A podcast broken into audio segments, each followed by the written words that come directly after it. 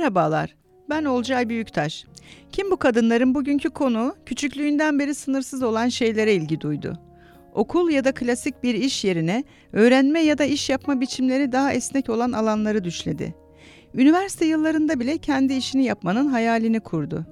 İş görüşmelerinde 5 yıl sonraki hedefiniz nedir sorusuna kendi işimi kurmak istiyorum yanıtı nedeniyle olumsuz dönüşler aldı ve düşlerini çok değil 20'li yaşların sonunda gerçekleştirmeye başladı.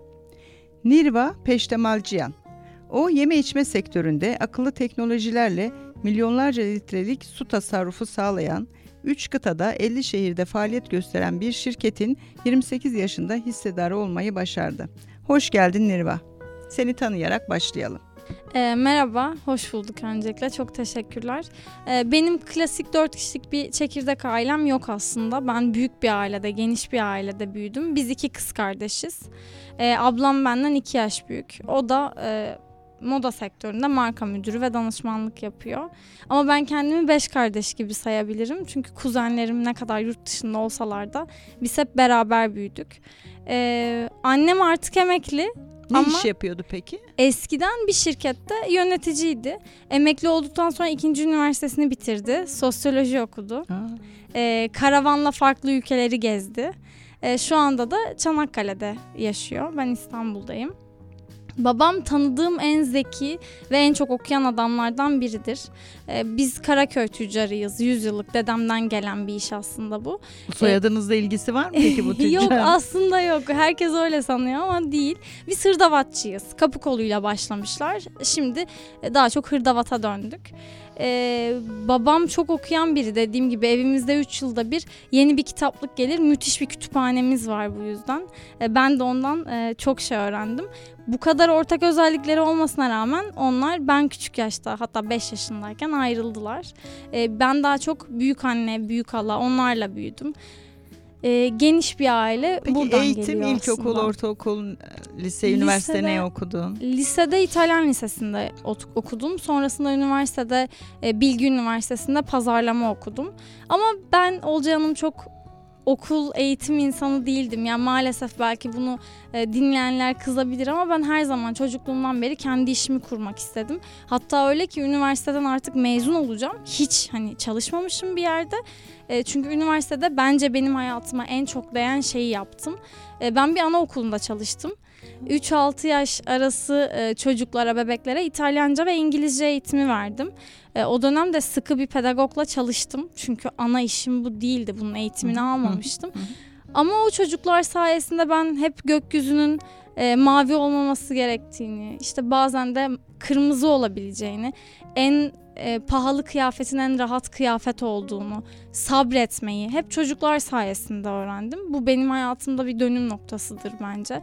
O ilk fanusumu kırma, o çekirdekten aileden çıkma e, olarak da burayı söyleyebilirim. Sonrasında tabii hani üniversite bitiyor artık iş hayatına girmek zorundayım. Bir kurumsal şirkete girdim stajyer olarak. Sonra baktım e, eğitimde kurumsal hayatta benim için aynı şeyi ifade ediyor. Yani bir aidiyet duygum yok, hissetmiyorum.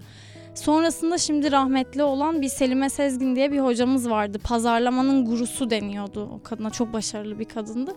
Bana dedi ki Nirva dedi kendi işini kurmak istiyorsun ama nasıl yapacaksın falan. Çünkü 2018'de ben e, bu stajdan da bitirdikten sonra stajı da dedim ki ne yapayım ne yapayım bizim aile işine gireyim dijitale döndüreyim işi biraz daha hani ben kendim orada bir şeyler yapayım 2018'de döviz kuru patladı tavan yaptık bunun üzerine dedim ki mümkün değil bu da olmayacak Peki hırdavatı dijitalden satma olabilir miydi? Olabilirdi bu arada. Neden olmasın? Bence hala orada çok fazla fırsat var. Ee, ama o dönem için benim aileden iyice bağımsızlığımı gösterebilmem için ve bir birey olma yolculuğuna iyice başlayabilmek için artık adapte olabilmeleri için buna da kendi yolumu çizmem gerekiyordu.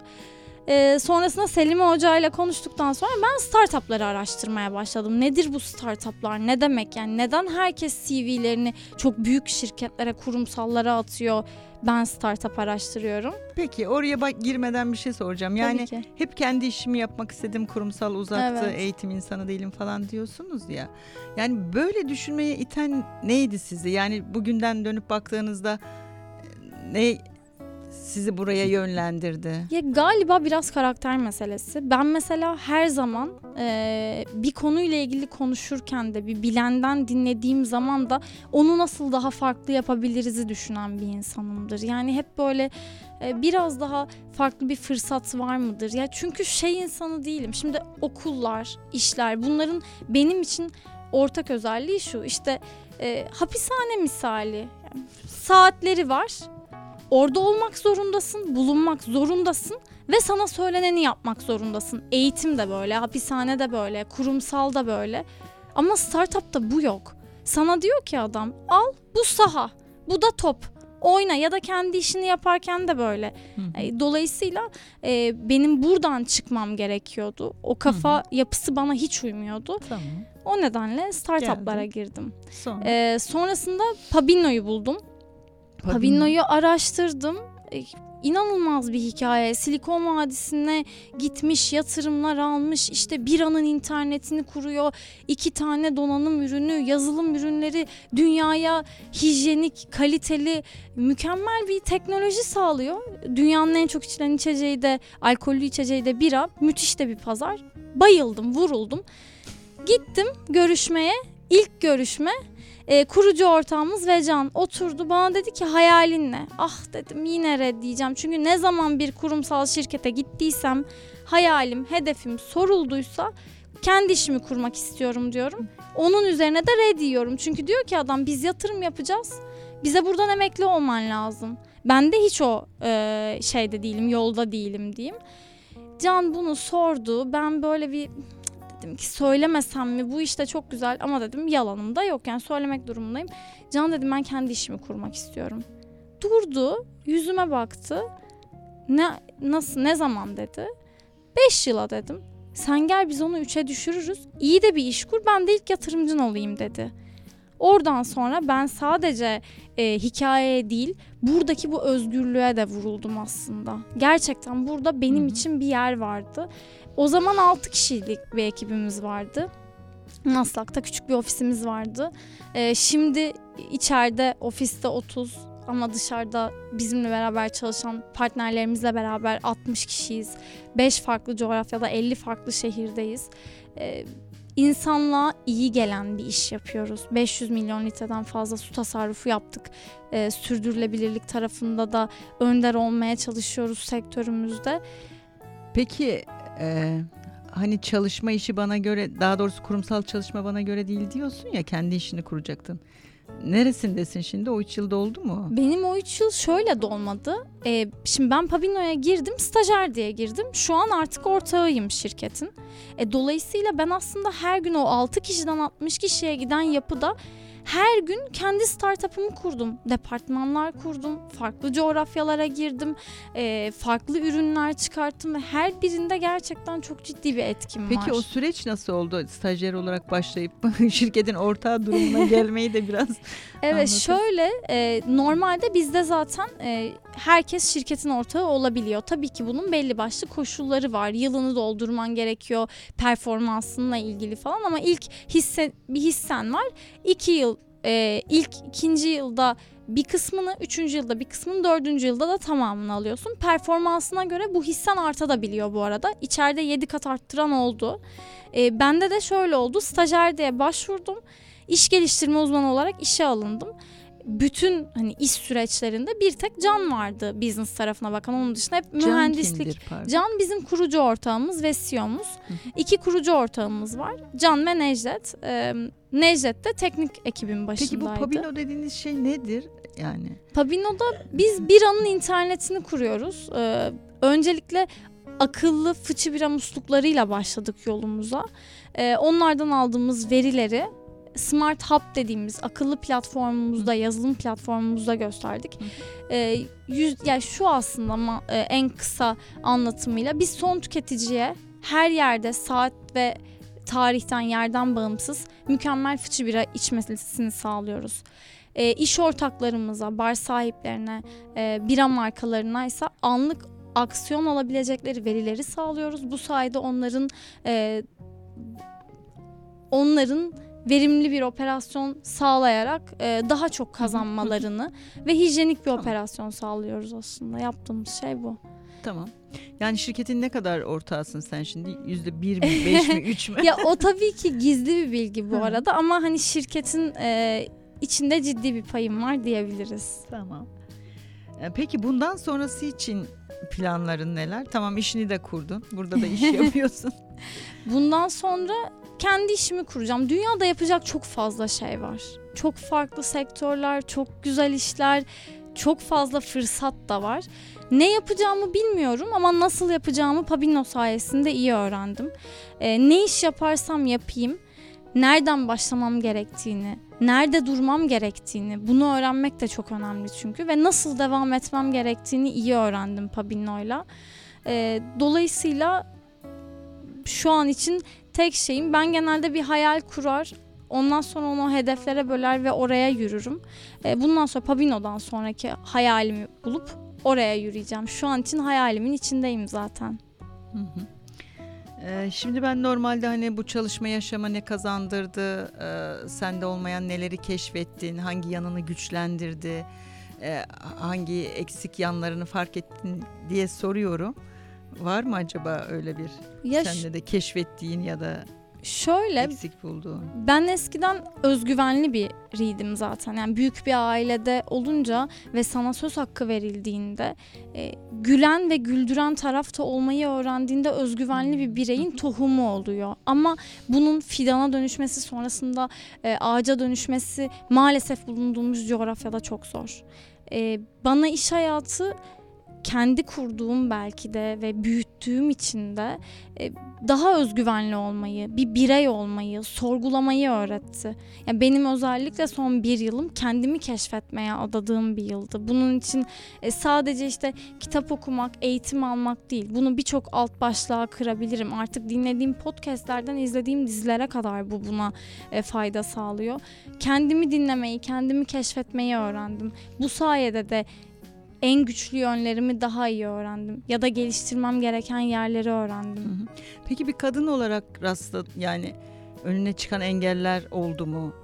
Tabii ki oldu. Örneğin şu Pabino'da e, bizim yani sektörümüz e, restoran, bar, kafe sektörü. Dolayısıyla sahaya inmem gerektiğinde operasyonel işleri, ekipleri yönetmek için, ekiplere liderlik etmeniz için operasyonu biliyor olmanız lazım. Ben bütün Türkiye'yi de olduğumuz diğer ülkeleri de dolaştım. E, bu çok zor çünkü e, Türkiye'de maalesef e, bir kadın olarak bazen bazı sektörlerde hele de bizim sektörümüzde sahada yani ben yıllardır bu işi yapıyorum. Sen nereden biliyorsun? Söylenmese bile bakışları atılıyor. E, buna maruz kalıyorsunuz. Ya da en basiti sabah uyandınız işten e, evden işe gidiyorsunuz. E, burada da kadın olarak çok zorlanıyoruz. Yani bunlar bir gerçek. Bizim coğrafyamızın e, gerçeği bunlar. Ama ben bunlara rağmen hayal kurmaya ve bu coğrafyada hayal kurmaya burada devam etmeyi seçtim. E, Birçok arkadaşım birçok ailem zaten benim yurt dışında. Birçok arkadaşım e, yurt dışına gitmek istedi. Ben de gidebilirdim rahatlıkla. İtalya'ya da gidebilirdim. Farklı bir ülkeye de gidebilirdim. Bunun için bir altyapım da var dil üzerine. Ama ben burada kalıp daha farklı bir şeyler yapmak, buraya iyi gelmek istedim. Burası benim toprağım. Ben burada doğdum sonuçta. Peki o zaman son olarak ben şunu sorayım. Hani senin gibi böyle kendi ayakları üstünde durmak isteyen, kendi hayatını kazanmak isteyen, kendi yolunu çizmek isteyen kadınlara ne önerirsin? Ya nacizane sadece şunu söyleyebilirim. Onları biliyorum, duyuyorum ve anlıyorum. Hissediyorum onların yaşadıklarını. Çünkü ben de her gün birçok şey yaşıyorum.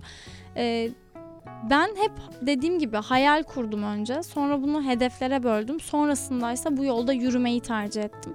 Bence her şeyin başı hayalle geçiyor. Hayalde, e, hayal kurduğunuzda o an ne olursa olsun bu ne kadar büyük büyük bir iş olabilir, küçük bir iş olabilir. Yani ön- örneğin yemek yaparken bile bazen o yemeğin önce hayalini kurarız ya, hı, gideriz alışverişini yaparız ve sonra pişirmeye başlarız. Ben bu üç adımı izlemelerini öneririm. Onun dışında da açıkçası bir şey söyleyemiyorum. Çözümler kendiliğinden geliyor. Geliyor. Yollar açılıyor. Geliyor bütün yollar açılıyor. Ben bunu kendim gördüm ve yani çok küçük yaşta şu an bundan 4 yıl öncesine baktığımda Pabino'ya ilk girişime çok küçükmüşüm, çok farklıymışım. Ondan 3 yıl öncesine baktığımda anaokulunda öğretmenlik yapmaya başladığımda o kadar korkmuştum ki yanlış bir şey söylerim, bir çocuğun kalbini kırarım. İnanılmaz korkuyordum.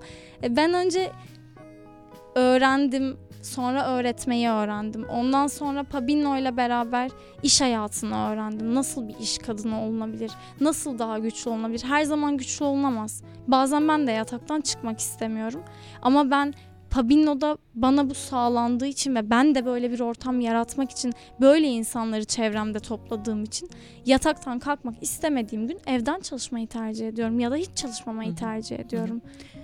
Peki şöyle bir şey oldu mu sizde de? Mesela geçen e, Emine Hanım'la konuşuyorduk Kagider, Kagider Başkanı'yla. Hı hı. İşte dedi ki bir kadın dedi iş kurduğunda dedi ya da hani bir işin bir parçası olduğunda genellikle işe ilk aldıkları da kadınlar oluyor. Yani yapılan araştırmalar onu gösteriyormuş. Evet. Yani ilk 5 kişi alıyorsa 3'ü en az kadın, 5 alıyorsa Evet. hatta 5'i kadın.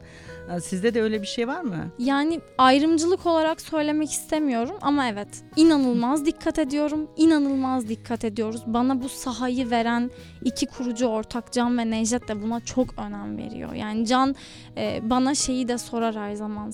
Hani sence kadınlar için farklı neler yapabiliriz? Erkekler için farklı neler yapabiliriz? Bu bizim her zaman e, notlarımızın içinde olan bir şeydir ve altını da dolduruyoruz bunun. E, Dolayısıyla evet tabii ki bizde önceliğimiz her zaman e, kadınların olduğu yerler daha güler yüzlü oluyor ya buna çok inanıyorum belki hani şey gibi gelecek ama enerjisi yükseliyor şirketin ortamın e, o ortam her neresiyse dolayısıyla biz de bunu yapıyoruz. Peki o zaman teşekkür ederim ben. Ben Varsa eklemek ederim. istediğiniz bir şey. Ben çok teşekkür ederim. Yani kadınlar üzerine bir podcast olması, e, bu kadar insana bilmiyorum belki de ufacık bir umut olması, ışık olması diyeyim umuttan ziyade çok değerli. O yüzden çok çok teşekkür ederim davet edildiğim için. Nilva'ya tüm yaşamında başarılar diliyor. Yeni bir Kim Bu Kadınlar'da buluşmak üzere hoşça kalın diyoruz.